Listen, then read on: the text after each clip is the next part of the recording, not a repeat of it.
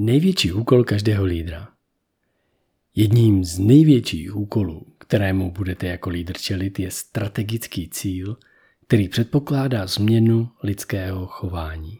Bez změny chování a jednání lidí ve vašem týmu není možné očekávat, že by mohlo dojít k dosažení nepředstavitelných výsledků.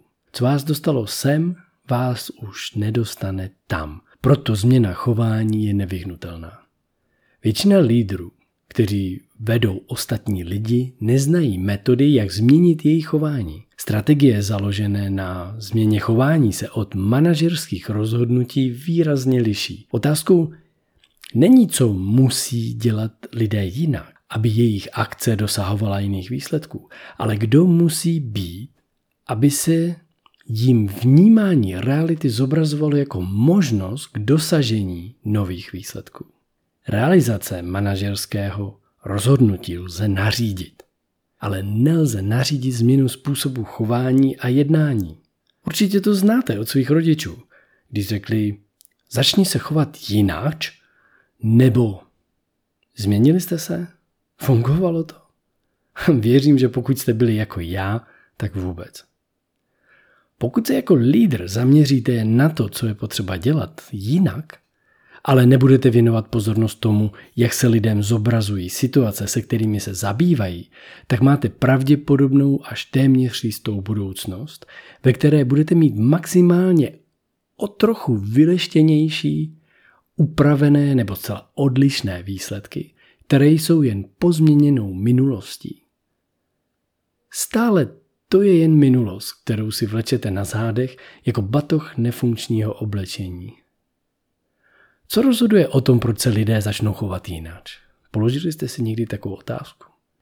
Nyní vám je určitě jasné, že budete muset začít dělat věci jinak než do posud. Co vás dostalo sem, vás už nedostane tam. Já to budu opakovat pořád, protože vlastně změna chování je prostě nevyhnutelná, pokud chcete dosáhnout nových výsledků nebo výsledků, který prostě jste nikdy nedosahovali. Já tomu totiž říkám proměna způsobu vidění a způsobu bytí. Aby mohlo dojít ke změně chování, musí dojít k proměně způsobu vidění světa a způsobu bytí v tom světě. Aby lidé začali vidět situace a záležitosti, se kterými se v daném okamžiku zabývají v jiném úhlu pohledu, potřebují funkční a účinný systém vycházející ze scénáře vize budoucnosti.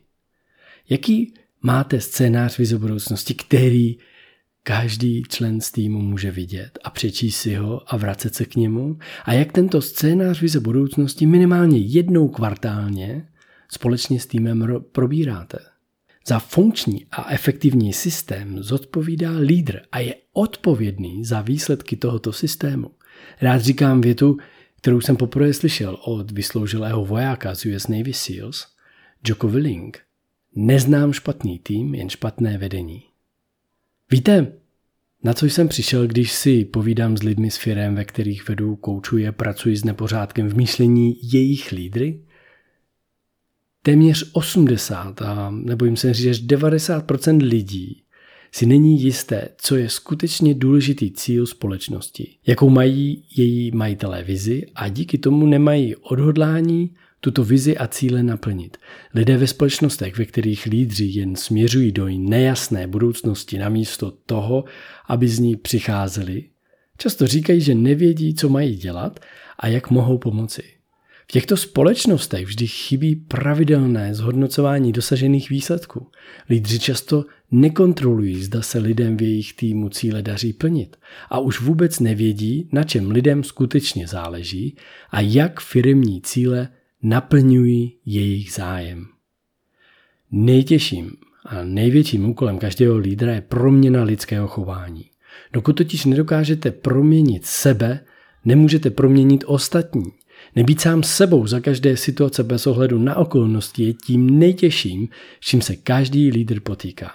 Pamatujte si, co vás dostalo sem, vás už nedostane tam. V přítomnosti musíte být svým budoucím já, nikoli v tím, kdo si myslíte nebo víte, že jste.